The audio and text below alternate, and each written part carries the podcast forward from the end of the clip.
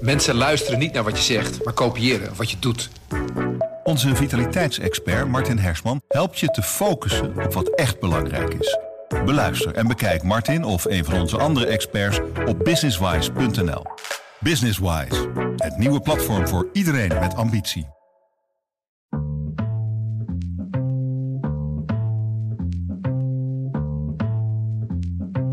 PZC deze week is een podcast waarin we in gesprek gaan met de makers van onze journalistieke producties. We praten over het proces en we gaan op zoek naar de drijfveer om juist dit verhaal te maken. Vandaag praat ik, Rolf Bosboom, met algemeen verslaggevers Wendy Wagenmakers en Theo Gielen over de coronapandemie en vaccinaties.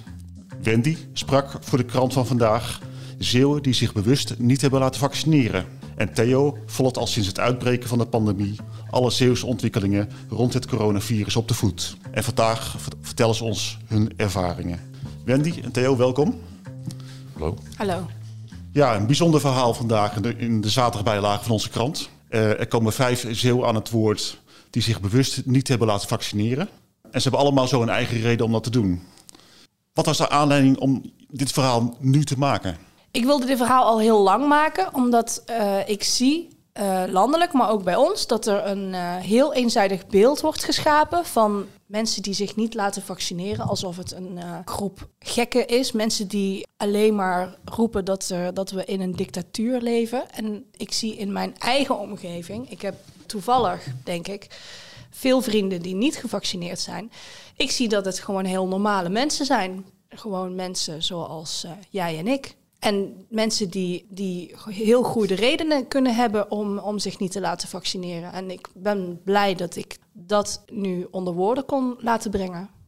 Tegelijkertijd kan ik me voorstellen dat, dat niet iedereen staat te trappelen om mee te werken aan zo'n verhaal. Hoe heb je deze mensen gevonden? Ik ben als eerste in mijn eigen netwerk gaan kijken, omdat het een onderwerp is waarvoor je niet een organisatie kan bellen met de vraag of, of zij je met iemand in contact kunnen brengen. Het zijn gewoon mensen van de straat. Dus ja, het is ook niet dat je naar een straat gaat van, oh ja, daar wonen ze of zo. Het is, het is gewoon, het kan iedereen zijn. Eerst, eerst ben ik vrienden gaan bellen om te vragen of zij wilden meewerken. Nou, eentje wilde dat. Uh, die heb ik dus ook uh, geïnterviewd. Daarna ben ik, uh, ben ik verder gaan kijken en ik wilde, ik wilde vijf mensen interviewen. En het liefst mensen uit alle regio's. Ik ben gewoon gaan bellen. mensen waarvan ik het wist of mensen waarvan ik het vermoedde.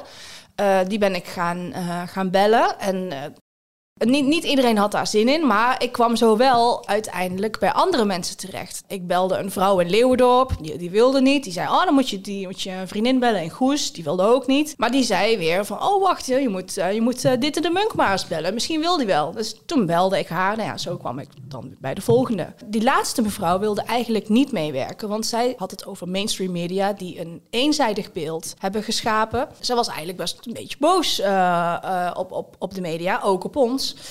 En toen heb ik wel gezegd, ja, als je wil dat, uh, dat wij ook de andere kant belichten, ja, dan moet je misschien ook een stapje naar voren doen en toch meedoen. En nou, daar was het eigenlijk wel mee eens en toen heeft ze dat gedaan. Er waren ook mensen die blij waren dat ze hun verhaal konden vertellen? Ja, zeker. Ja. ja. Kun je daar een voorbeeld van noemen? Uh, Norman, de eerste, die, die, vond het, die, die, had er meteen wel zin in. En die uh, wilde ook wel voor de camera. En uh, die was blij dat hij zijn verhaal kon doen. Dat is iemand die ontzettend diep in de materie uh, is gedoken. Misschien iets te diep wel. Hij is er heel erg veel mee bezig. En hij is volgens mij blij dat hij zijn verhaal kan delen. De andere drie, ja, die vonden het eigenlijk ook wel leuk. En ook wel die vonden het ook wel heel belangrijk. Kijk, die Norman die zegt ook in je verhaal van... ik word geframed als wappie, als iemand die volslagen idioot is... Uh, als je jouw verhalen leest, dan zijn het juist heel genuanceerde en uiteenlopende verhalen. Iedereen heeft zo zijn eigen redenen om zich niet te laten inenten. En kunnen dat goed onder woorden brengen en ook onderbouwen. Was je verrast door die veelzijdigheid in hun antwoorden? Nee, want daar heb ik wel een beetje op gezocht ook. De, de, de een uh, wantrouwt het systeem, de ander wantrouwt het vaccin. Er is ook iemand met een religieuze achtergrond, wat ook een rol speelt, niet helemaal. Er zijn ook mensen bij die heel erg denken vanuit hun eigen gezonde levensstijl en vertrouwen op hun immuunsysteem. Dus ik heb wel een beetje gevarieerde verhalen gezocht, zodat het ook leuk blijft om te lezen. Tegelijkertijd zijn de, zijn de meeste mensen die gesproken hebben ook vrij stellig in hun opvatting van of ze nog gaan twijfelen of ze misschien later wel een vaccin willen nemen. Bijna allemaal zeggen ze van dat gaat niet gebeuren. Die Norman zegt ook van al moet ik in de tent gaan wonen, ik doe het niet. Ja. Heeft die felheid jou verbaasd? Ja, ja, best wel ja. In het gesprek uh, had hij het erover dat hij er wel rekening mee houdt dat zijn vrouw, die in de zorg werkt, dat, dat zij op den duur wel haar baan zal kwijtraken. En dat ze dus minder inkomen hebben. Ja, en dat je, da dat, je dat voor lief wil nemen, dat, ik schrik daar wel heel erg van. Tegelijkertijd is er ook iemand bij, uh, Gert-Jan Steutel, die zei dat hij wel bereid is om, om misschien toch wel ooit overstag te gaan als er een beter vaccin is. En die flexibiliteit verbaasde me dan ook wel weer. Zo zwart-wit ziet niet iedereen het. Gert-Jan is juist uh, heel genuanceerd in, hè? Ja, ja. Theo, jij, jij, volgt al bijna twee jaar uh, de, de coronapandemie uh, voor onze krant. Mm -hmm. Gaat er wel eens een werkdag voorbij dat je er niet op een of andere manier mee bezig bent? Jazeker, ja, we vergeten wel dat er ook hele rustige periodes zijn geweest rond corona. Ja, de twee zomerperiodes, toen, toen was er op een gegeven moment niet zo heel veel meer te melden. Maar goed, in het najaar stak er de kop weer op. Dus het is, het is niet altijd een, zo voelt het nu wel, een lange donkere periode, maar dat, er zijn ook goede tijden geweest.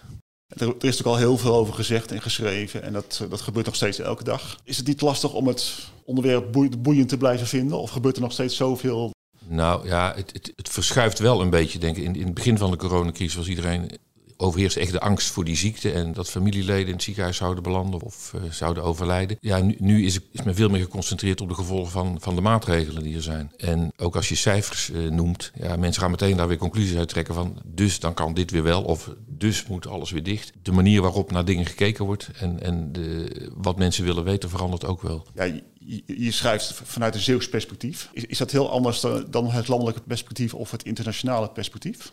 Nou, wat in Zeeland erg speelt is dat België dichtbij is. Kijk, als je in Flevoland woont, dan maakt het niet zoveel uit dat er in België meer of minder mag dan, uh, dan in Nederland. Maar als je in Zeeuws-Vlaanderen woont, heeft dat direct consequenties op je dagelijks leven. Dus dat is een aspect waar je toch veel naar kijkt. Een ander aspect is, maar dat is meer cijfermatig. Je ziet dat die cijfers landelijk vaak vertaald worden naar uh, zoveel gevallen per 10.000, 100.000 inwoners. Dat is in Zeeland op, op gemeenteniveau bijna niet te doen, omdat het relatief kleine gemeenten zijn. En uh, Noord-Beverland is wat dat betreft het meest extreme voorbeeld. Daar is of niks aan de hand als je dat vertaalt naar per 100.000 inwoners.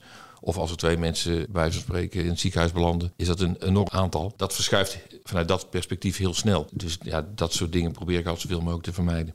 Uh, cijfers spelen ook een hele belangrijke rol in die coronacrisis. Elke dag wordt het aantal besmettingen gemeld, het aantal uh, mensen dat opgenomen is in ziekenhuizen. De PZC doet dat voor Zeeland niet. Is dat een bewuste keuze? Ja, we, hebben ervoor gekozen om het uh, één keer per week te doen. Want je ziet enorme schommelingen in die dagcijfers. Bijvoorbeeld de gemeente Middelburg, dan zie je een rijtje staan van 80 besmettingen, de volgende dag 20 en de dag erna weer 80. Daar kun je op je klompen aanvoelen dat dat met administratieve problemen of, of wat dan ook te maken heeft. Dus weekcijfers geven een wat, wat beter beeld. Het belangrijkste is ook om gewoon de trend aan te geven. En niet zozeer of het nou om 1032 gaat of uh, 1102. Dat suggereert ook een, iets heel precies wat er, uh, wat er niet is. Het is belangrijker om te zien van nou, gaat de lijn omhoog of gaat de lijn omlaag? En dan zijn weekcijfers uh, handiger. En we hebben er ook voor gekozen om die cijfers uit Zeeuwse bron, om het zo maar te zeggen. Dus van de GGD Zeeland, van samenwerkende verpleeghuizen van de ziekenhuizen, zodat je ja, de cijfers zeg maar, zo, zo vers mogelijk hebt en geen last hebt van vertragingen waar het RIVM noodzakelijkerwijs wel last van heeft. Toch is de PZC daar een uitzondering in. Het is een logische verklaring, maar het verbaast me dat andere media dat toch elke dag al die cijfers weer, weer brengen. Ik kijk er ook elke dag naar. Het is heel verleidelijk om er naar te kijken. Alleen, nou, laat ik zo zeggen, het, het dagbeeld, dat, ja, dat, dat bestaat eigenlijk niet. Omdat het een, valse voorstelling van zaken geeft voorbeeld van uh, vorige maand was dat er op één dag 50 doden werden gemeld in Zeeland. De, de, de weken daarvoor was het allemaal 0 of 1. Weet je, hele lage aantallen. Dat blijkt dan toch een soort uh, administratieve correctie te zijn die dan op die dag wordt, wordt gedaan. Dat wordt er ook wel bij vermeld. Alleen, ja, je ziet wel ineens het getal 50 staan en je schrik je een ongeluk als je die achtergrond niet weet. Ja, corona raakt iedereen. Hè. Het is een onderwerp dat heel veel losmaakt. Mm -hmm. uh, er is ook bijna geen onderwerp te bedenken waar je zoveel verdeeldheid hebt. Hoe zorg je als krant en als verslaggever dat je daar een evenwicht in vindt? Je moet heel erg oppassen met bepaalde uh, tussenwoordjes gebruiken, vind ik, in de berichtgeving. Je kan schrijven, er liggen al zes mensen in het ziekenhuis... of er liggen nog zes mensen in het ziekenhuis. Het woordje al veronderstelt dat er nog veel meer zullen worden. Het woordje nog veronderstelt dat, nou, het zullen weer wel minder worden. Dus dat is wel iets waar ik ja, toch wel zoveel mogelijk voor probeer te vermijden, dat soort, dat soort zaken. Dus als het om cijfers gaat, het eigenlijk uh, zo neutraal mogelijk te presenteren. je ontkomt natuurlijk niet aan, net van de week, toen kwamen er uh, duizend besmettingen bij. Ja, dan is het woord uh, meer is onvermijdelijk. Maar daar meteen kwalificaties aan te hangen, daar moet je toch nog mee oppassen. En als het gaat over vaccinatie, het onderwerp van vandaag. Ja. De verhalen van Wendy die maken best wel indruk als je ze leest. Mhm. Kun je daaruit de conclusie trekken dat die groep misschien tot nu toe te weinig aan bod is geweest in de krant? Ik vind dat die groep te veel als één soort mens werd beschreven. Hè, van, uh, wat Wendy net ook al zei, van, ja, het, zijn, het zijn allemaal mensen die niet goed, uh, goed nadenken of in een bepaalde hoek zitten. Dat, dat beeld is echt veel, uh, veel genuanceerder. Ja, er zijn mensen die gewoon zich echt zorgen maken om hun eigen gezondheid vanwege zo'n zo'n vaccinatie. En of dat nou nu terecht is of niet, dat is een tweede. Maar dat is wel een serieus gevoel wat mensen hebben en wat je ook serieus moet nemen. Ik kan me ook voorstellen dat mensen zich echt in een hoek gedreven voelen. Als op een gegeven moment voormalig minister De Jonge roept van... ik heb geen enkel begrip voor mensen die zich niet laten vaccineren. Dan denk ik van ja, dan smijt je ook gewoon de deur dicht om überhaupt nog maar in, in gesprek te gaan. Dus ja, het is goed dat daar uh, ook wat aandacht voor is. En dat staat los van de vraag of een vaccin nou wel of geen uh, uh, zin heeft. Maar je wil wel een beeld geven van waarom mensen besluiten nemen die ze nemen. Wat viel jou het meest op in die vijf verhalen van deze mensen? Het geeft een mooi beeld van hoe verschillend die overwegingen zijn van iemand die, uh, die jong is, die, die, die echt de risico's ook afweegt en, kijkt van ja, ik, ik leef gezond. Tot mensen die gewoon toch meer principiële bezwaren hebben tegen een vaccin. En mensen die zich echt door de overheid in de hoek gedrukt voelen. Wat mij ook wel trof, ik weet niet hoe het bij, bij, jullie is, maar dat, dat sommige mensen daar ook niet over willen praten of durven te praten, zelfs niet met hun familie, omdat ze bang zijn voor discussies of ruzies. Hoe heb jij dat ervaren, Wendy? Ik vond het opvallend dat mensen daar zo open over waren. Dat ze zeiden, het wordt in mijn familie gewoon doodgezwegen. Als je een hechte familie hebt, dan lijkt me dat, uh, dan lijkt me dat best wel zwaar drukken. Ik vind het ook wel bijzonder dat ze dat in de krant durven zeggen. Een ander probleem is natuurlijk dat de, de QR-code. Een paar van die mensen vertellen ook over dat ze niet meer bij zwemles van de kinderen kunnen zijn. Of dit, de, die, die vertelt dat ze al sinds 1985 uh, bij een beledschool komt en daar niet meer welkom is is toch vrij pijnlijk eigenlijk. Ja, ze vertelt dat ze op de terugweg op de fiets alleen maar dacht, hoe bestaat het dat ik daar niet meer naar binnen kan? En ik kan me dat gevoel heel goed voorstellen. We hebben nu ook de discussie over vaccinatie voor kinderen. Uh -huh. Theo, welke kant denk je nu dat de discussie in Zeeland op gaat? Hoe wordt er tegenaan gekeken? Er is heel veel twijfel over die vaccinatie en ik, ik, ik snap dat heel erg goed, want vanuit de overheid komt ook geen duidelijk advies. In feite wordt ouders gevraagd om zelf maar voor virologen te spelen. Je kunt zelf uw eigen afweging maken. Ja, ik, ik, vind dat, ik vind dat eigenlijk niet, niet al te best. Want ik kan me voorstellen dat dat binnen gezinnen tot een enorme discussie ook uh, kan leiden. En ook deskundigen op, op uh, tv afgelopen week. Daar, komt geen eenduidig beeld naar buiten van ja, wat moet je nu doen als ouder? Wat dat betreft ben ik blij dat ik zelf geen kinderen meer heb in die leeftijd. Hij wordt in feite een beetje het bos ingestuurd. Wendy, als het gaat over vaccineren van kinderen, hoe, hoe kijk jij daar tegenaan? Nou, ik heb die kleine kinderen zelf wel. En ik zie uh, in mijn omgeving die discussie wel steeds dichterbij komen. Dan merk je dat het vaccineren van volwassenen redelijk vanzelfsprekend is. Maar bij kinderen is dat heel anders. De overheid geeft daarin ook heel weinig informatie. Uh, ik, zie wel allerlei YouTube-dokters uh, voorbij komen en ook huisartsen trouwens. Maar de overheid geeft alleen een, advies over hoe je je kind over prikangst heen kan helpen. Nou, volgens mij zit helemaal niemand daarop te wachten en willen we gewoon weten waarom je überhaupt je kinderen zou moeten vaccineren. Welke van die vijf verhalen hebben op jou uh, de meeste indruk gemaakt? Ik, ik, vond het opvallend dat het gezin uit Goes met zeven kinderen, ook kerkgaand, dat zij zo open waren over hun religieuze afwegingen. Hebben vaker verhalen geprobeerd te maken in uh, streng christelijke gemeenschappen in Zeeland over de, de principiële bezwaren tegen vaccineren. En eigenlijk is het steeds niet gelukt om die mensen te interviewen, omdat ze dat gewoon niet wilden. En deze mensen waren heel open en legden eigenlijk bijna in kindertaal uit wat nou eigenlijk het bezwaar is. Dat er in de Bijbel een God is en dat God ook een tegenstander heeft en dat hij angst en twijfel probeert te zaaien. En zij kunnen dat helemaal reflecteren op deze coronacrisis. En ik kan me voorstellen dat dat heel logisch voelt. En dat zij daar zo relaxed uh, in staan. Ze hadden het zelfs over een eindtijd. En uh, ik denk dan eindtijd. Maar zij waren daar super relaxed in. En ik vond dat heel indrukwekkend. Ja, ze zeggen van, we staan heel ontspannen in. We hebben iemand om op te vertrouwen. Ja, ja. Ja, dat is toch prachtig?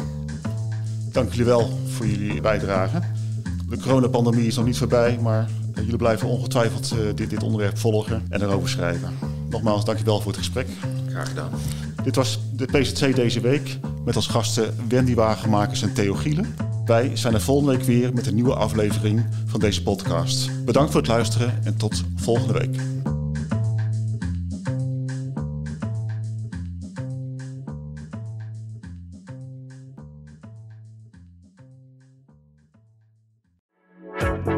Mensen luisteren niet naar wat je zegt, maar kopiëren wat je doet. Onze vitaliteitsexpert Martin Hersman helpt je te focussen op wat echt belangrijk is. Beluister en bekijk Martin of een van onze andere experts op businesswise.nl. Businesswise, het nieuwe platform voor iedereen met ambitie.